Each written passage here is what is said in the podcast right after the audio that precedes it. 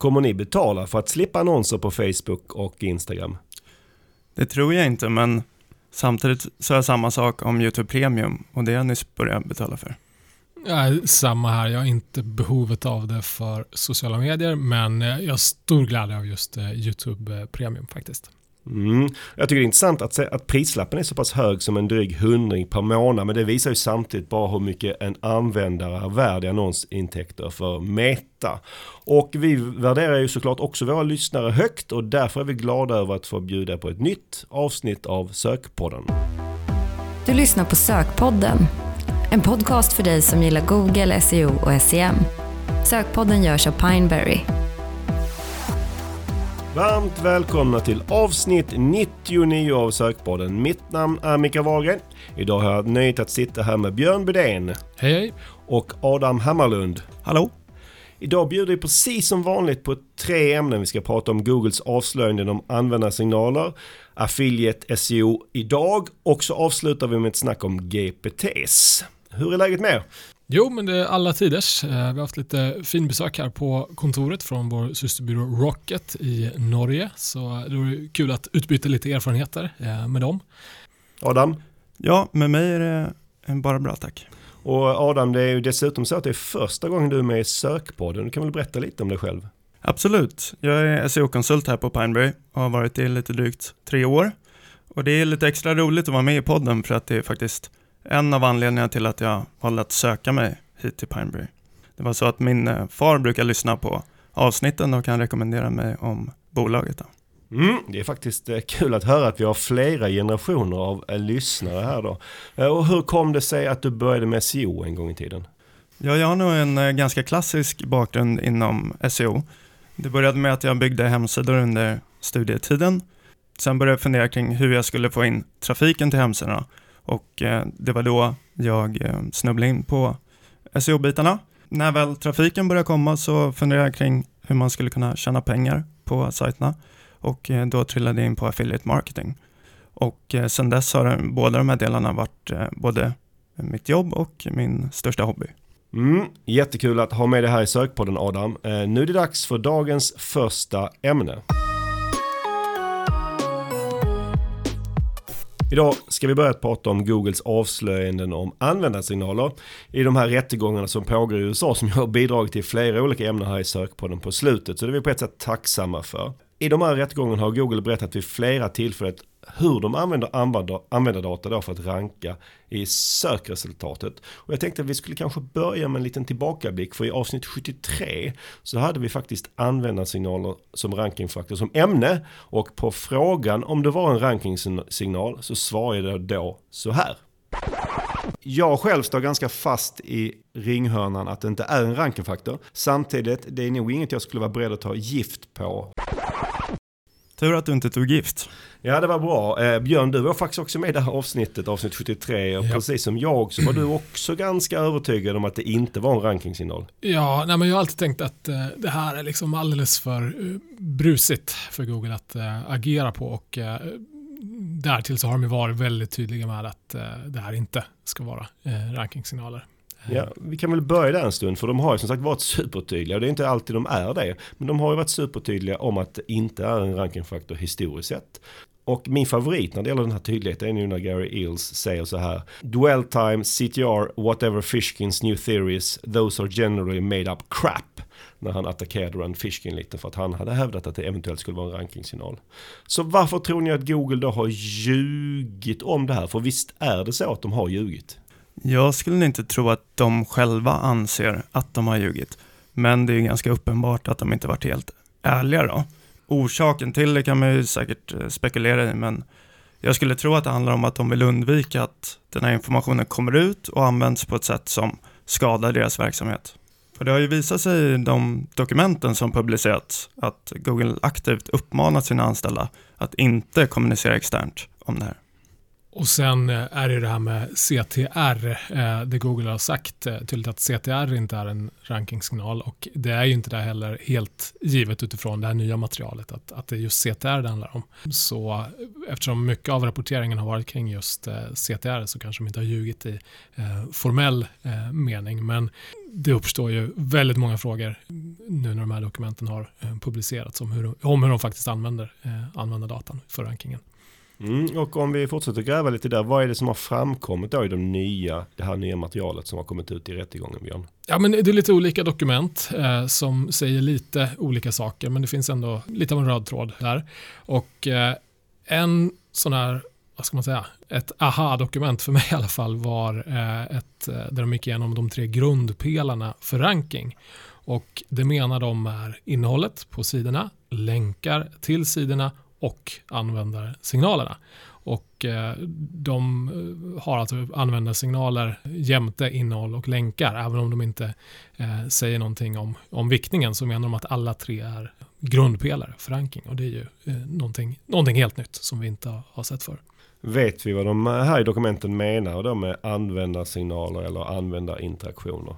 Ja, man kan säga att det finns lite olika typer av användarsignaler som det här syftas till. Då.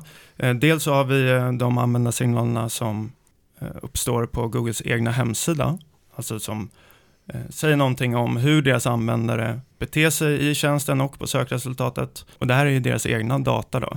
Sen finns det ju på samma sätt användarsignaler som samlas in på externa webbplatser.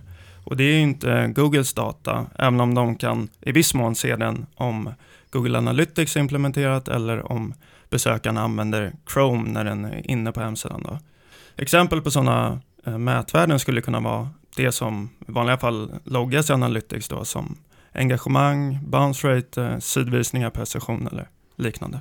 Och i de här dokumenten då som har släppts så hänvisas det främst till de användarsignalerna som sker i själva sökresultatet. Då. Så det handlar ju primärt om vad Googles användare klickar på i sökresultatet, hur de scrollar eller vad de hovrar på, eller om de utför upprepade sökningar på liknande sökfraser eller sökord. Att jag nämnde den andra typen av användarsignaler är för att jag noterat fall där de förväxlas. Då blir risken att man drar slutsatser att rankingen påverkas direkt av hur användaren agerar på fel typ av signal.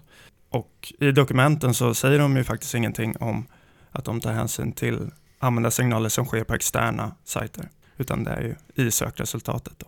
Skulle ni våga ta gift nu på att de inte använder Chrome-data för att eh, kolla på användarsignaler på sajter? Jag skulle inte våga ta ett farligt gift fall. men, men, jag Adam, jag har också sett det du säger där, för jag har sett en del som har skrivit på LinkedIn att ja, det här, nu har det här kommit, läckt ut och eh, nu har vi fått bekräftat att det är äntligen som vi har trott att bounce rate är en rankingsignal. Men det är inte riktigt det som i alla fall står i dokumenten. Jag kanske inte Nej. vill ta gift på det, men, men det som, som står i dokumenten handlar ju om saker som händer i SERPen. Ja, och eh, när vi säger bounce rate så ska ju det inte förväxlas med pogo sticking som mm. är när besökaren klickar på ett sökresultat återgår till SERPen. Det är ju information som Google ser eller kan ta del av. Mm. Vi har varit inne lite på det här redan, men liksom den diskussionen som har varit historiskt och kanske det som Gary Ills i hans kommentar gentemot Rand Fishkin handlar, har ju oftast handlat mycket om just CTR. Nämns just CTR i dokumenten? Som benämning eh, nämns ju inte CTR, utan eh, de pratar ju primärt om klick. Mm. Och eh, just klick i sig kanske lite svårt att tolka bara rakt av. Men i en av de här slidesen så beskriver Google hur de indirekt och i samband med att de presenterar sitt sökresultat i bakgrunden ställer frågan vilket av de här resultaten är bäst? Sen är det då användaren som genom att klicka på någon av de här länkarna eh, egentligen besvarar den frågan. Då. Därav kan man kanske tänka sig att ett resultat som genererar fler klick än vad Google förväntar sig från ett resultat med en specifik position kanske signalerar till Google att just det sökresultatet förtjänar en bättre position. Då. Mm. Är det någonting mer intressant man kommer fram till i de här dokumenten? Ja, men, eh, sammantaget så handlar ju de här dokumenten om att Google använder användarsignaler för att lära sig och eh, förbättra sökresultaten och eh, de pratar om att det här är en viktig del av den magin som eh, skapar bra sökresultat för användaren. Så varje googling skapar ett värde för nästa person som googlar eftersom de tittar på vad den här personen gör i SERPen och användarbeteendet helt enkelt. Och eh, det här att Google använder användarsignaler eh, för att utvärdera och förbättra sökresultaten är ju i sig inget nytt. Eh, det har varit känt väldigt länge. Men det framkommer här inte om, i de här dokumenten om det är där de använder det till eller om det sker mer eller mindre i realtid. Så det, det är lite otydligt i de här dokumenten vad som faktiskt avses. Och vill man läsa dokumenten själv och se hur de är utformade så kan man ju besöka pineberry.com för du skrev ju ett eh, väldigt bra ja. blogginlägg om det, Björn. Det så det kan vi varmt rekommendera. Och eh, någon som lyssnar nu kanske undrar varför har de här dokumenten släppts? Eh, det pågår ju en stor rättegång i USA eh, just nu om huruvida Googles eh, sökmotoraffär är ett eh, vad ska man säga, otillbörligt monopol som kanske behöver brytas upp. Och en del i det är ju då att eh, om användarsignaler är en så stor del av det som gör Google bra, desto svårare blir det för en konkurrent att eh, konkurrera och skapa en annan sökmotor eftersom det är ingen som har de användarvolymerna som, som Google har. Så det är därför det här kommer fram just nu, är min tolkning av det i alla fall. Mm. Det har runnits en hel del vatten under broarna sedan de här dokumenten som kom fram, kommit fram då i rättegången producerades. Tror ni att det har ändrats något tills idag? Sedan, för det här är liksom, vi snackar om ganska många år mm, tillbaka i tiden. Mm. Är, det, är det fortfarande lika viktigt? Ja, vi kanske får vänta tills nästa rättegång för att eh, veta helt säkert. Eh, men vi kan ju såklart eh, spekulera. Med tanke på att Google själva sagt att eh, de har blivit bättre på att förstå innehåll genom till exempel eh, BERT och eh, andra eh, avancemang inom AI så är min gissning i alla fall att eh, Google inte behöver använda signaler i lika hög grad idag som för eh, ett antal år sedan när de här dokumenten producerades. Och eh, med tanke på att eh, de sagt att det finns ett visst negativt brus i användardatan så är det väl rimligt att tro att de i alla fall minskat sitt eh, beroende av den här typen av signaler. Okej, eh, sanningens ögonblick här va. Utifrån det som har framkommit så ställer jag igen frågan som jag ställde i avsnitt 73. Så får vi se om vi får plocka fram era svar nu här genom 20 avsnitt igen. Mm. Eller. Men Tror ni idag att användarsignaler är en rankingfaktor på Google? Ja, jag tror absolut att Google använder den data de har tillgång till för att göra tjänsten bättre. Och då är säkerligen hur användaren rör sig och interagerar med sökresultatet en av dem. Men med det sagt är jag inne lite på det som Björn pratade om, att vid det här laget är nog systemen så pass avancerade att det finns så många olika datapunkter som eh, har en inverkan att klicken i sig kanske inte har lika stor betydelse som de eh, framstår ha i de här dokumenten.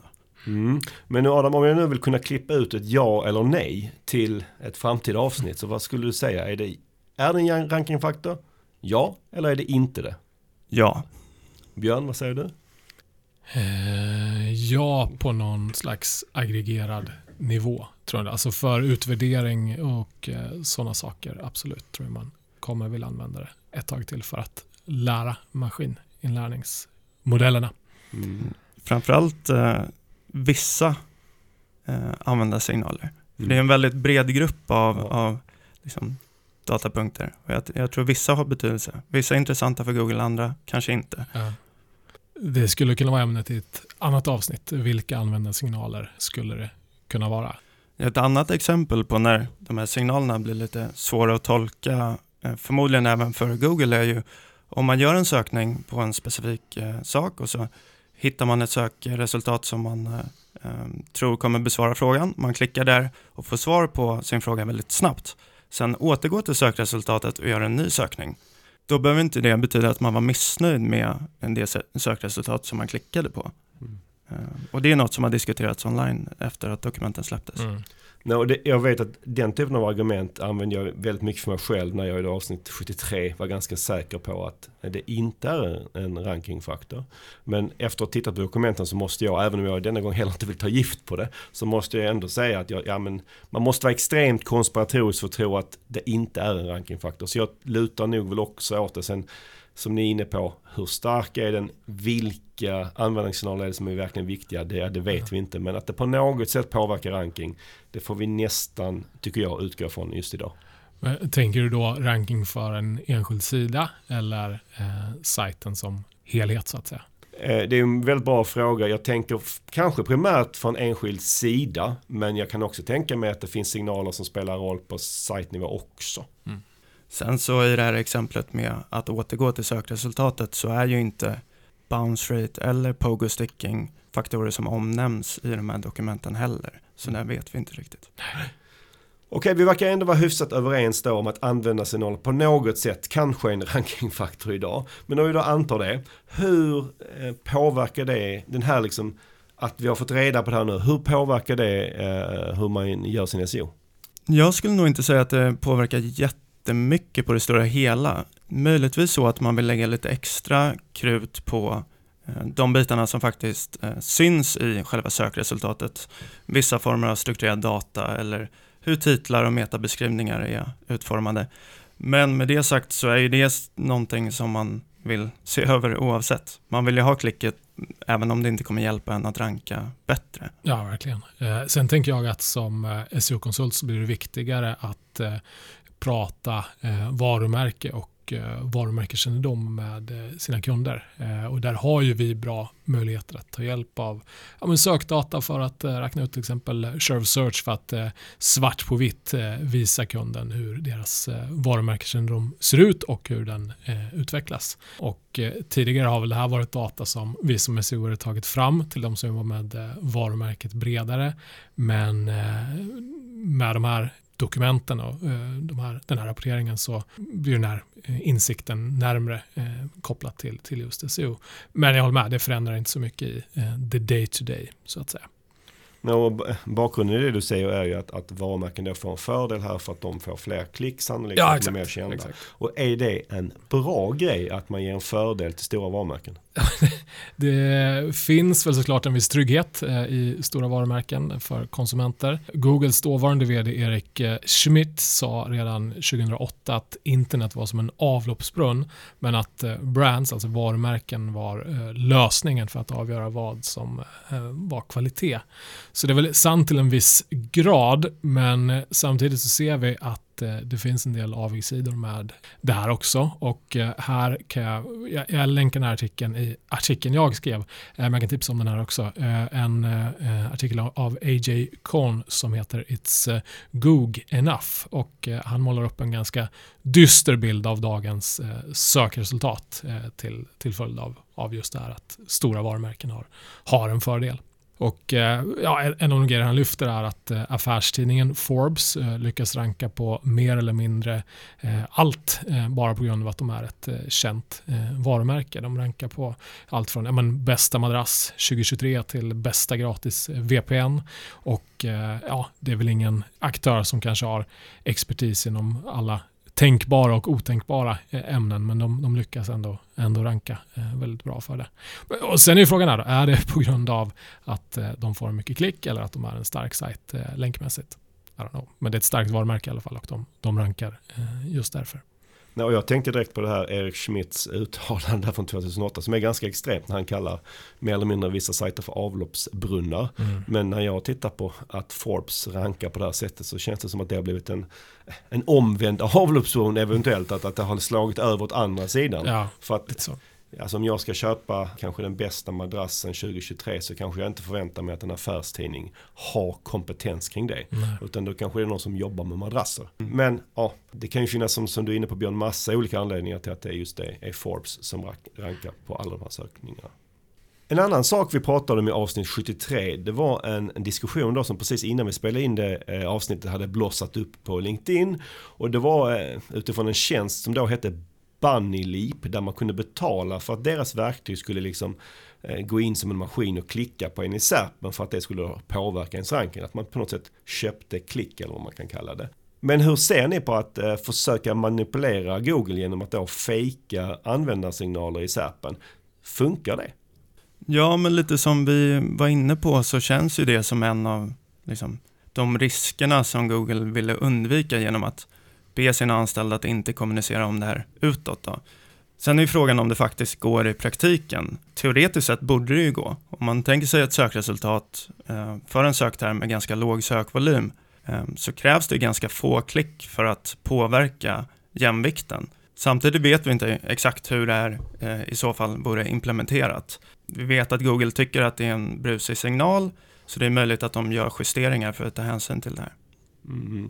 Jag är själv också lite tveksam till om det går att manipulera det på det här sättet. Men jag gillar ju ändå att testa saker och ting. Det gör vi här i Sökpodden. Så jag tänkte att vi med hjälp av våra lyssnare skulle göra ett litet test. Och jag hittade ett för oss ganska irrelevant sökord med relativt låg sökvolym. Där vi idag rankar på plats 15. Och det här är sökningen Mark Zuckerberg förmögenhet. Så om ni alla nu som lyssnar pausar en sekund och googlar på Mark Zuckerberg förmögenhet. Letar upp vårt resultat och sen klickar ni in på PIME. Library.com och så stannar ni där en stund, ni klickar alltså inte tillbaka. Eh, så ser vi nästa avsnitt om hur vi rankar då.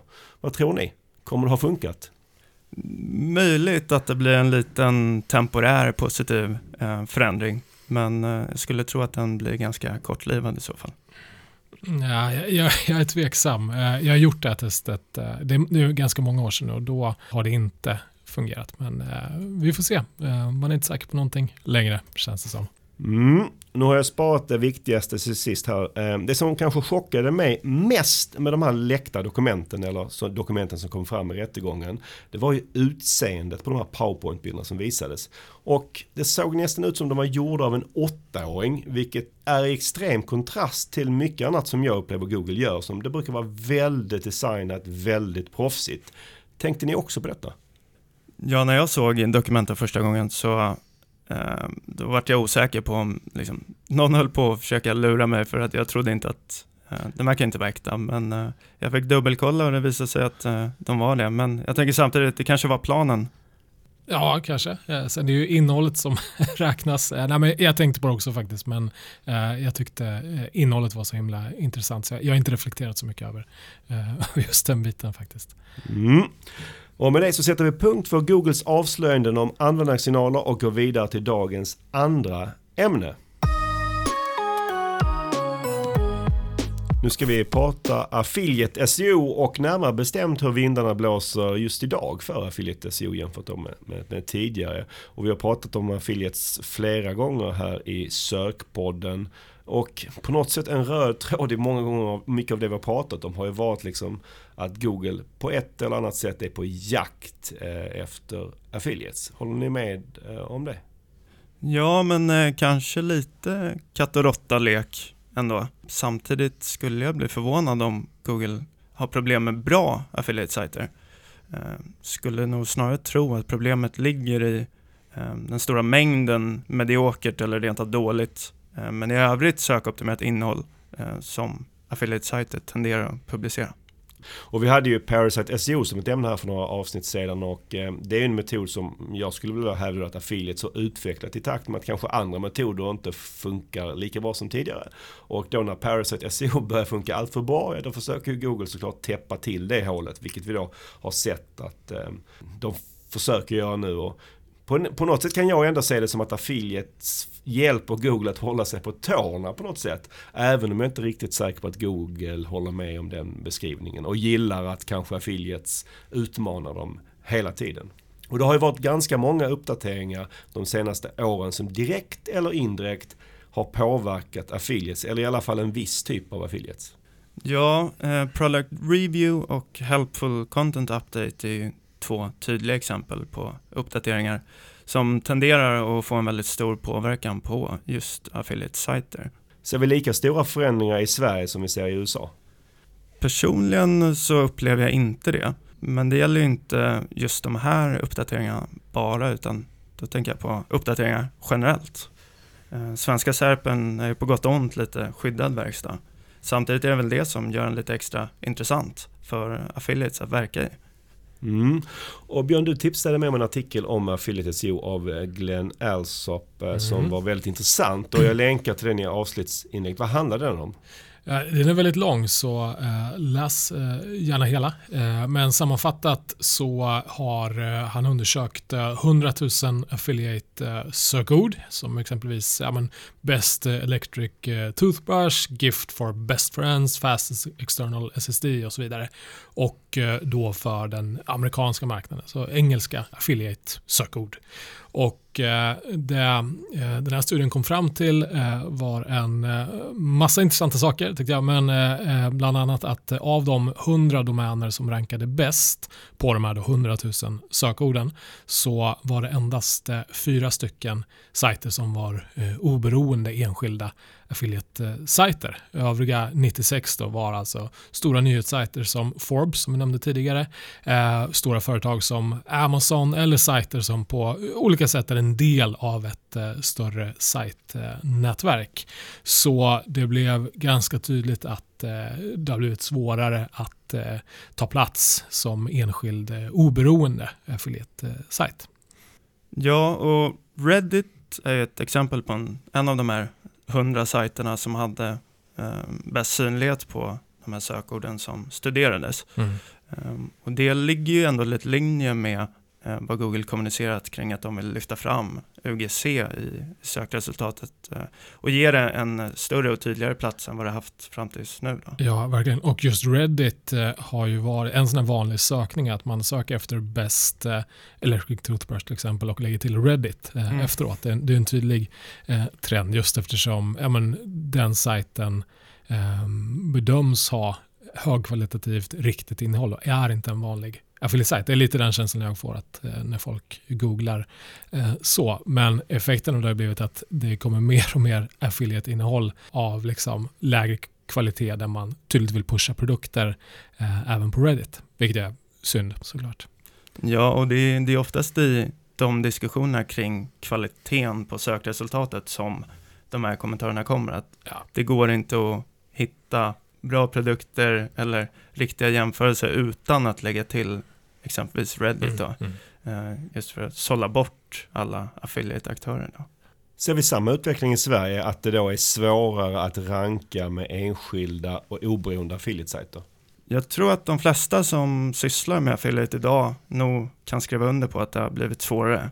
Speciellt när man försöker bygga något som är långsiktigt och driver trafik över tid och inte straffas allt för hårt i, i uppdateringarna som kommer löpande. Då.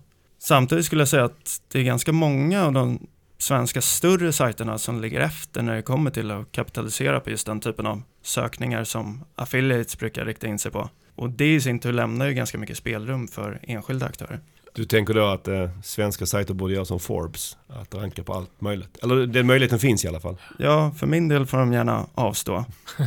Nej, men jag, jag tänker likadant att eh, det är inte lika många svenska mediehus som har gått den vägen. De, de, de gör absolut eh, försök, eh, men konkurrensen är generellt sett lägre, eh, det, vilket lämnar liksom, ja, fältet fritt för oberoende affiliate-sajter i högre utsträckning i Sverige än i USA.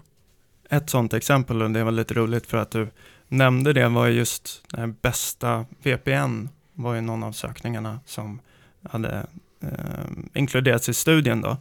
Och där, av nyfikenhet så, så sökte jag på det och såg att Expressen har en sån artikel som listar mm. VPNer. Men den, den ligger långt ner på sida två och är inte uppdaterad sedan 2020. Så det visar väl kanske någonstans vart prioriteten ligger. Och var det en affiliate-artikel med? Ja. ja. ja. Okej, så i den här undersökningen visar ju att ja, men det har blivit svårare för de här oberoende affiliate i USA och ni i alla fall delvis delar bilden av att det har även blivit svårare i Sverige. Eh, vad är det då som har ändrats i kravbilden för att man ska kunna, kunna ranka på den här typen av sökningar? Eh, ja, men en sak som eh, Glenn Olsop eh, konstaterade i, eh, hans, eller i deras undersökning var att eh, en stor skillnad eh, på de produktjämförelsesajter som rankade nu jämfört med för ett antal år sedan var att de, innehåller, att de har innehåll som är mer än bara produktjämförelser. De har alltså mer generella nyheter om eh, ämnet. Så det går inte lika lätt att liksom, se att ja, men det här är en sajt som är byggd för SEO eller affiliate. Eh, ehm, utan det är mer riktiga sajter eller hur man, hur man ska beskriva det. Och eh, sajterna visar på liksom, en mer komplett kunskap om det här ämnet som de handlar om än bara själva jämförelsen och eh, just de sökord som, som driver affären. Och det här är ju liksom, eh, det är ju fullt eh, rimligt att Google hellre vill visa upp den här typen av sajter än bara renodlade affiliate-sajter. Det här bygger ju ett större värde för användarna, något som har en, eh, eh, en plats i sökresultaten i, i högre grad, så som Google ser det.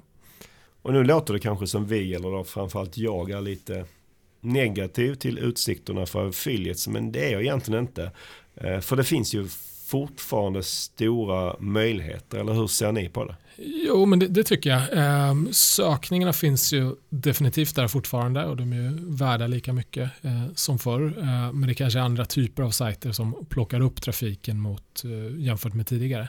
Men största vad ska man säga, jag vet inte om jag skulle säga största hotet, men eh, en potentiell risk är ju vad händer när SGE kommer för den här typen av eh, sökningar. När Google med hjälp av generativ AI mer kan visa vad som är bäst baserat på olika parametrar i SERPen. Behöver man affiliate-sajter på, på det sättet då, eller jämförelsesajter eh, på det sättet. Det, det, det, vet vi inte. Så det, det, skulle jag vara mer orolig för än kanske att tävla mot, mot andra större mediehus.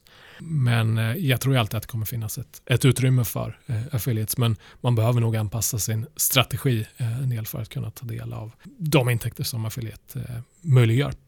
Mm. Och utifrån den här bakgrunden som vi har målat upp här då, om ni skulle bygga en affiliate-sajt idag som ska ranka i Sverige, hur skulle ni göra och hur skulle ni tänka? Ja, jag sitter med en sajt just nu som jag håller på att lansera och har även lanserat ett par stycken under året. Det här handlar ju för mig mest om att testa olika koncept och se vilken typ av sajt eh, som fungerar. En stor skillnad i hur jag tänker med sajterna jag bygger idag eh, är väl primärt att det ska gärna få finnas ett långsiktigt värde eller att sajten ska kunna erbjuda någonting som konkurrenterna inte erbjuder idag och det kan handla om eh, en viss typ av funktional funktionalitet eller en unik expertis. Så idag lägger jag nog mer tid på design och användarvänlighet och eh, kanske primärt eh, även tänker kvalitet framför kvantitet. Eh, det har jag inte riktigt gjort innan. Där jag, tidigare har det gått att producera ganska mycket innehåll, även om det inte haft allt för hög kvalitet. Men trots det driver in ganska bra med trafik. Och så eh, ser det inte riktigt ut idag. Så att, eh, eh mer förarbete helt enkelt. Och hur tänker du här Björn? Mm, ja, men jag, jag, är inne på samma linje. Det beror såklart på vilken budget jag skulle ha för det här. Men jag hade försökt eh, bygga eh, varumärke eh, väldigt tidigt och eh, skapa något som bidrar med eh, ett Eh, ja, men ett, ett, större värde till den som faktiskt googlar eh, såklart. Eh, många affiliate-sajter tänker kanske värde som i ja, men vi får in besökaren, vi rankar just nu och vi, vi konverterar den. Men många gånger så är det ju inte något som Google långsiktigt skulle vilja ranka det. Så jag hade försökt komma förbi det på olika sätt. Så kanske inte tänkt så mycket affiliate eh, egentligen utan mer tänkt, ja, men lite som den här undersökningen visade, en, eh, bygga en eh, riktig sajt där affiliate kan vara ett av intäktsbenen eh, jämte kanske annan annonsering också. men bygga en mer robust business som inte blir lika beroende av Google. Det hade jag nog gjort. Mm. En liten eh, separat sak här som jag har funderat lite på som jag tänkte passa på att fråga er. Det gäller eh, eh affiliates och ChatGPT.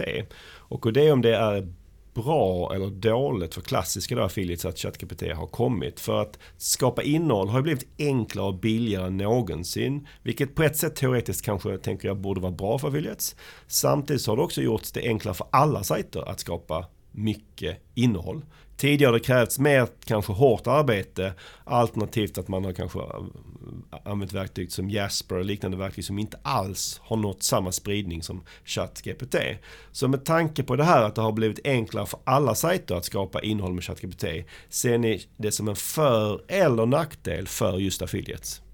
För egen del kan jag säga att det verkligen har varit en fördel. Men då kanske inte nödvändigtvis när det kommer till att producera text. Ehm, jag tycker ChatGPT erbjuder mest värde i form av att Ja, men när man ber den eh, utvärdera befintligt innehåll, hur kan jag förbättra det här, vad saknas? Eller vid utveckling, eh, om man vill ha hjälp när man sitter och kodar något eh, plugin eller någon funktionalitet på sajten. Eller bara egentligen sortering och presentation av data. Och det kan ju handla om att eh, exempelvis sammanställa tabeller, eh, utföra jämförelser av spe specifikationer eh, eller annat baserat på exempelvis uppladdad produktinformation och liknande. Men framförallt är den väldigt bra på att hjälpa till när man fastnar på någonting eller inte vet hur man ska komma vidare i processen. Mm. Gällande den massiva ökningen av innehåll på nätet till följd av ChatGPT och att alla egentligen kan massproducera text så tror jag mest det leder till att lägsta nivån höjs. Men med det sagt så är det ju fortfarande texterna som sticker ut som kommer ranka förmodligen. En språkmodell kommer ju alltid per definition att skriva den mest sannolika ordföljden baserat på allt den har läst så att outputen tenderar att bli väldigt generisk. Så det är därmed upp till en själv att liksom addera de här unika aspekterna antingen som en del av den input man ger till eh, chatten eller som ett lager ovanpå själva outputen. Då. Ja, men jag skulle säga mestadels eh, fördelar. Det gör ju att de som är driftiga och faktiskt eh, agerar kan skala ännu snabbare med den här typen av eh, teknik. Sen skulle jag inte heller bygga upp en hel sajt med hjälp av bara AI-texter men det höjer ju lägsta nivån på det som produceras helt klart och gör att man får mer resurser över till att verkligen göra det unikt och bra. Mm. Där tänkte jag att vi ska sätta punkt för Affiliate SEO idag och eh, kör hårt eh, där ute alla affiliates. Ni är viktiga för branschen. Och nu är det dags för dagens sista ämne. Sist ut idag är ett snack om eh, GPT, så vi kanske ska börja med en liten brasklapp här, för det har ju hänt minst sagt eh, stora saker för ChatGPT eller OpenAI eh, som är bolaget bakom de senaste dagarna. Sam Altman, vdn har ju, och han blev, blev han först sparkad ja. och, och sen fick han ett nytt jobb på Microsoft. Precis. Och eventuellt eh, ska alla de här 700 utvecklarna som jobbar på ChatGPT flytta över till Microsoft. Majoriteten har skrivit ett brev att de ämnar säga upp sig från OpenAI om han inte kommer tillbaka som vd. Mm. Så eh, vi spelar in det här nu tisdag eftermiddag den 21 november. Eh, och eh, vem vet vad, hur situationen ser ut eh, på torsdag när det här avsnittet eh, släpps. Men eh, vi, vi får väl utgå egentligen från det vi, det vi tänkt prata om och det är just det här med GPTs. Mm. och ja, Ja, en av anledningarna till att jag la in den här brasklappen är såklart att eh, det har ju spekulerats i massa extrema saker som skulle kunna hända nu efter den här senaste dagarnas eh, minst sagt eh, eh, stora karusell. Och en extrem är ju att. OpenAI kanske till och med läggs ner och då vet vi kanske inte ens om GPT kommer finnas kvar.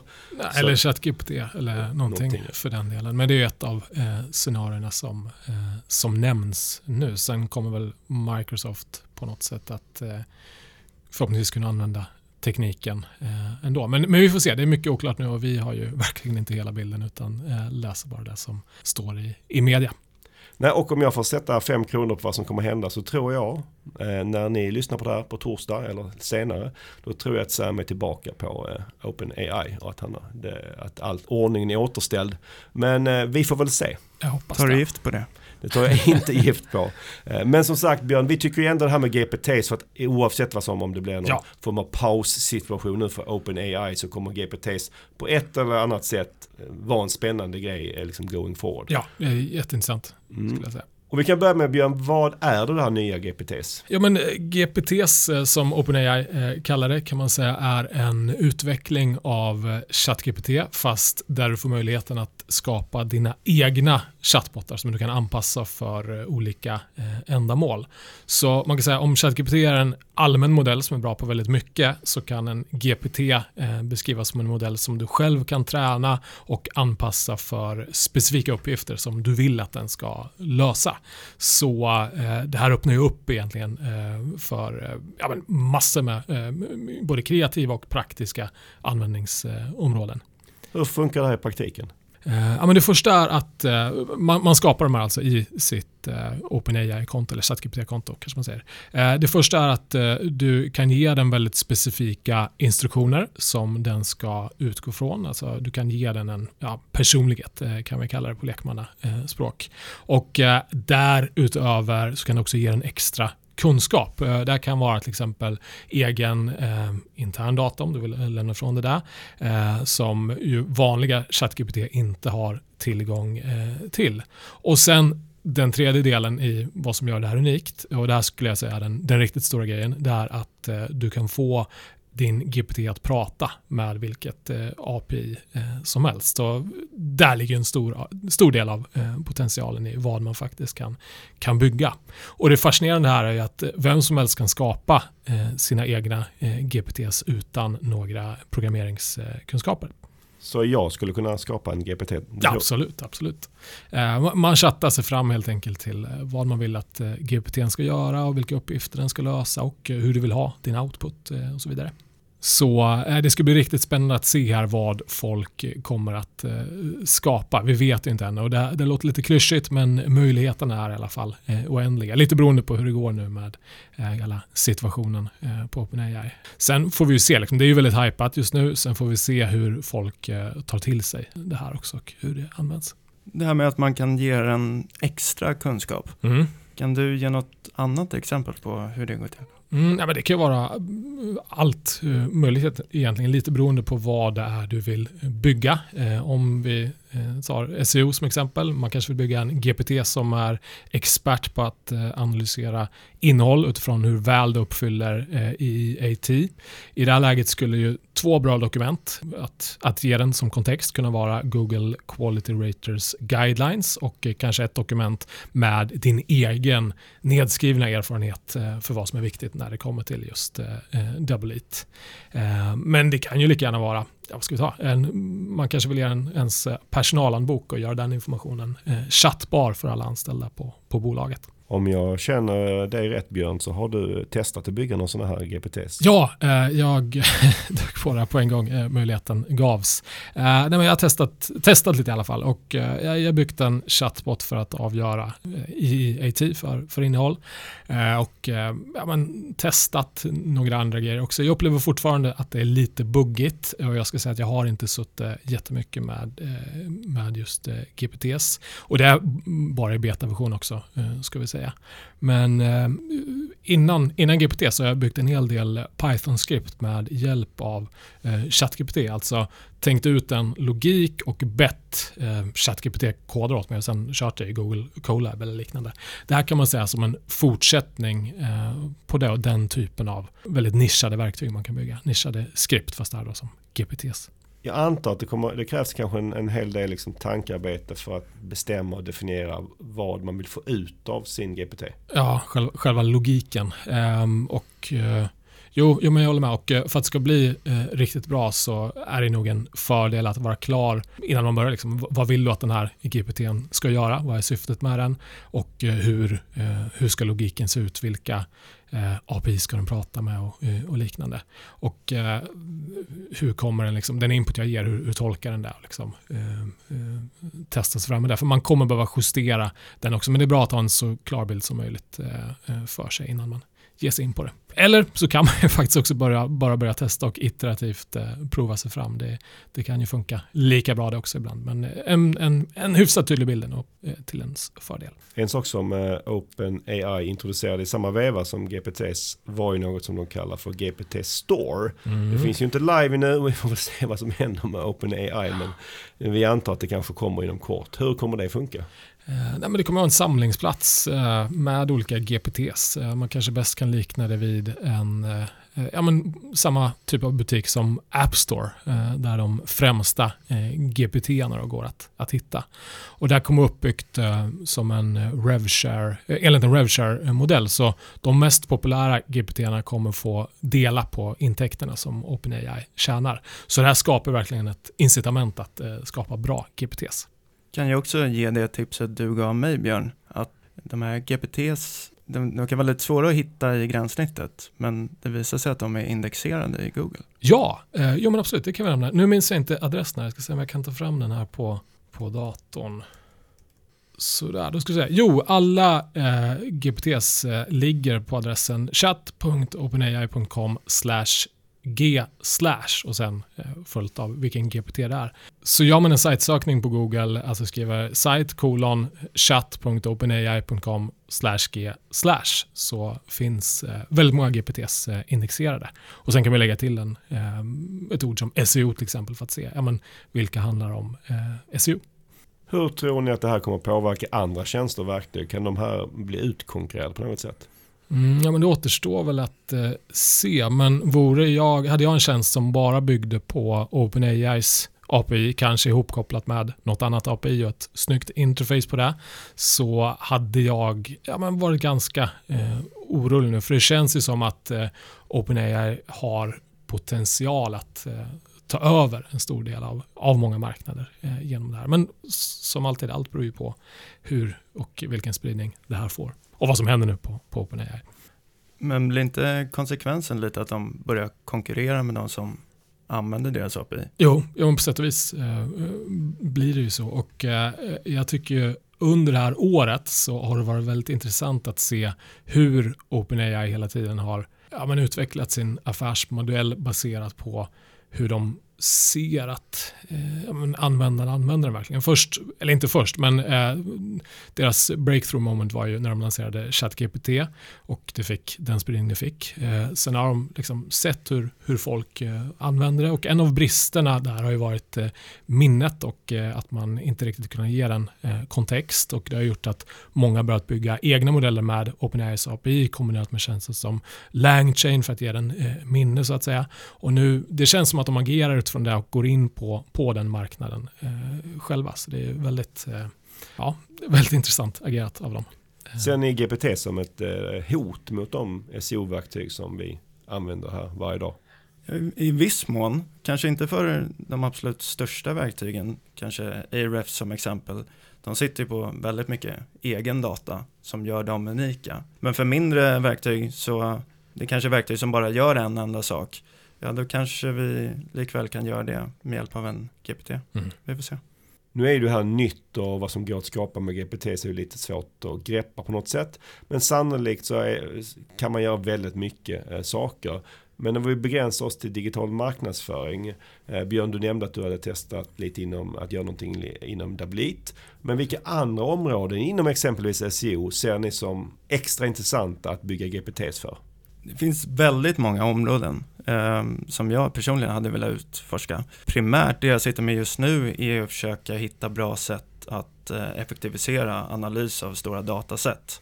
Det har ju data analysis, den här, det som till en början var, var en skild eh, chatt som nu integrerats i den huvudsakliga, breda chatten, ehm, öppnat upp för att du kan ladda upp eh, stora CSV-filer och annat ehm, och sedan be chatten att eh, ja, men, eh, allt från liksom specificera eh, datan i kolumner eller utföra jämförelser mellan två olika datasätt eller eh, massa annat egentligen. Så att eh, det, är, det är något jag verkligen vill jobba med eh, framöver. Jag tror att det skulle kunna underlätta vår vardag som SEO-konsulter väldigt mycket då vi jobbar med många olika stora datasätt på daglig basis. Eh, så jag hoppas verkligen att allt löser sig på bolaget och att tjänsten förblir. Ja, men eh, verkligen. Där finns det mycket just när man jobbar med stora eh, dataset. Eh, kanske en GPT skulle kunna vara att titta på två listor av URL, en från en utvecklingsmiljö, en från befintliga sajten och utifrån det skapa regler för hur URL ska redirectas. Sen, mycket av det har jag gjort i ChatGPT innan. En, en sån här sak är att eh, egentligen analysera länkprofiler och hitta mönster i dem. Egentligen utgå från Ahrefs data och eh, be eh, GPT eh, analysera och hitta mönster utifrån ja, men vilka typ, vilken typ av innehåll skulle kunder kunna skapa för att få, få länkar. Sådana saker. Ett annat intressant exempel eh, som jag själv har testat är att exportera ut data från Search Console för en specifik period och sen eh, motsvarande period ett, eh, kanske föregående år och sen ladda upp båda de här filerna och sen ställa ganska öppna frågor till chatten. Vilka samband finns? Eh, vilka avvikelser? Finns det några intressanta insikter att dra från de här två datasätten? Så som du säger, det är väldigt mycket nytt och spännande att utforska. Verkligen. Bra exempel där från er båda tycker jag. Vi får väl hoppas att eh, GPTs kommer fortsätta finnas och vi se, får se vad som kommer byggas helt enkelt. Ja. Och där lämnar vi GPTs för idag och det är dags att avrunda dagens eh, avsnitt. Nästa onsdag den 29 november kör jag och Felix ett Google Ads-webinar om Optimization Score. Vill ni hänga med på det? Då går ni in på pineberry.com webinar och eh, reggar er. Och eh, om det är någon av våra lyssnare som inte har varit med på våra webbinar tidigare så eh, vill jag bara tipsa om att eh, de avslutas med en frågestund som eh, alltid brukar vara väldigt eh, rolig eh, tycker jag. Så har ni några frågor om Google Ads så får ni inte missa det. Mm. Verkligen, frågestunden är höjdpunkten på webbinaren, för min del i alla fall. Så ladda upp med era bästa och klurigaste Google Ads-frågor till på nästa onsdag. Och har ni tankar eller feedback på dagens avsnitt, ja då når ni oss på sokpodden at pineberry.com. Tusen tack för att du lyssnade idag. Vi hörs igen om en månad. Hej då! Tack och hej!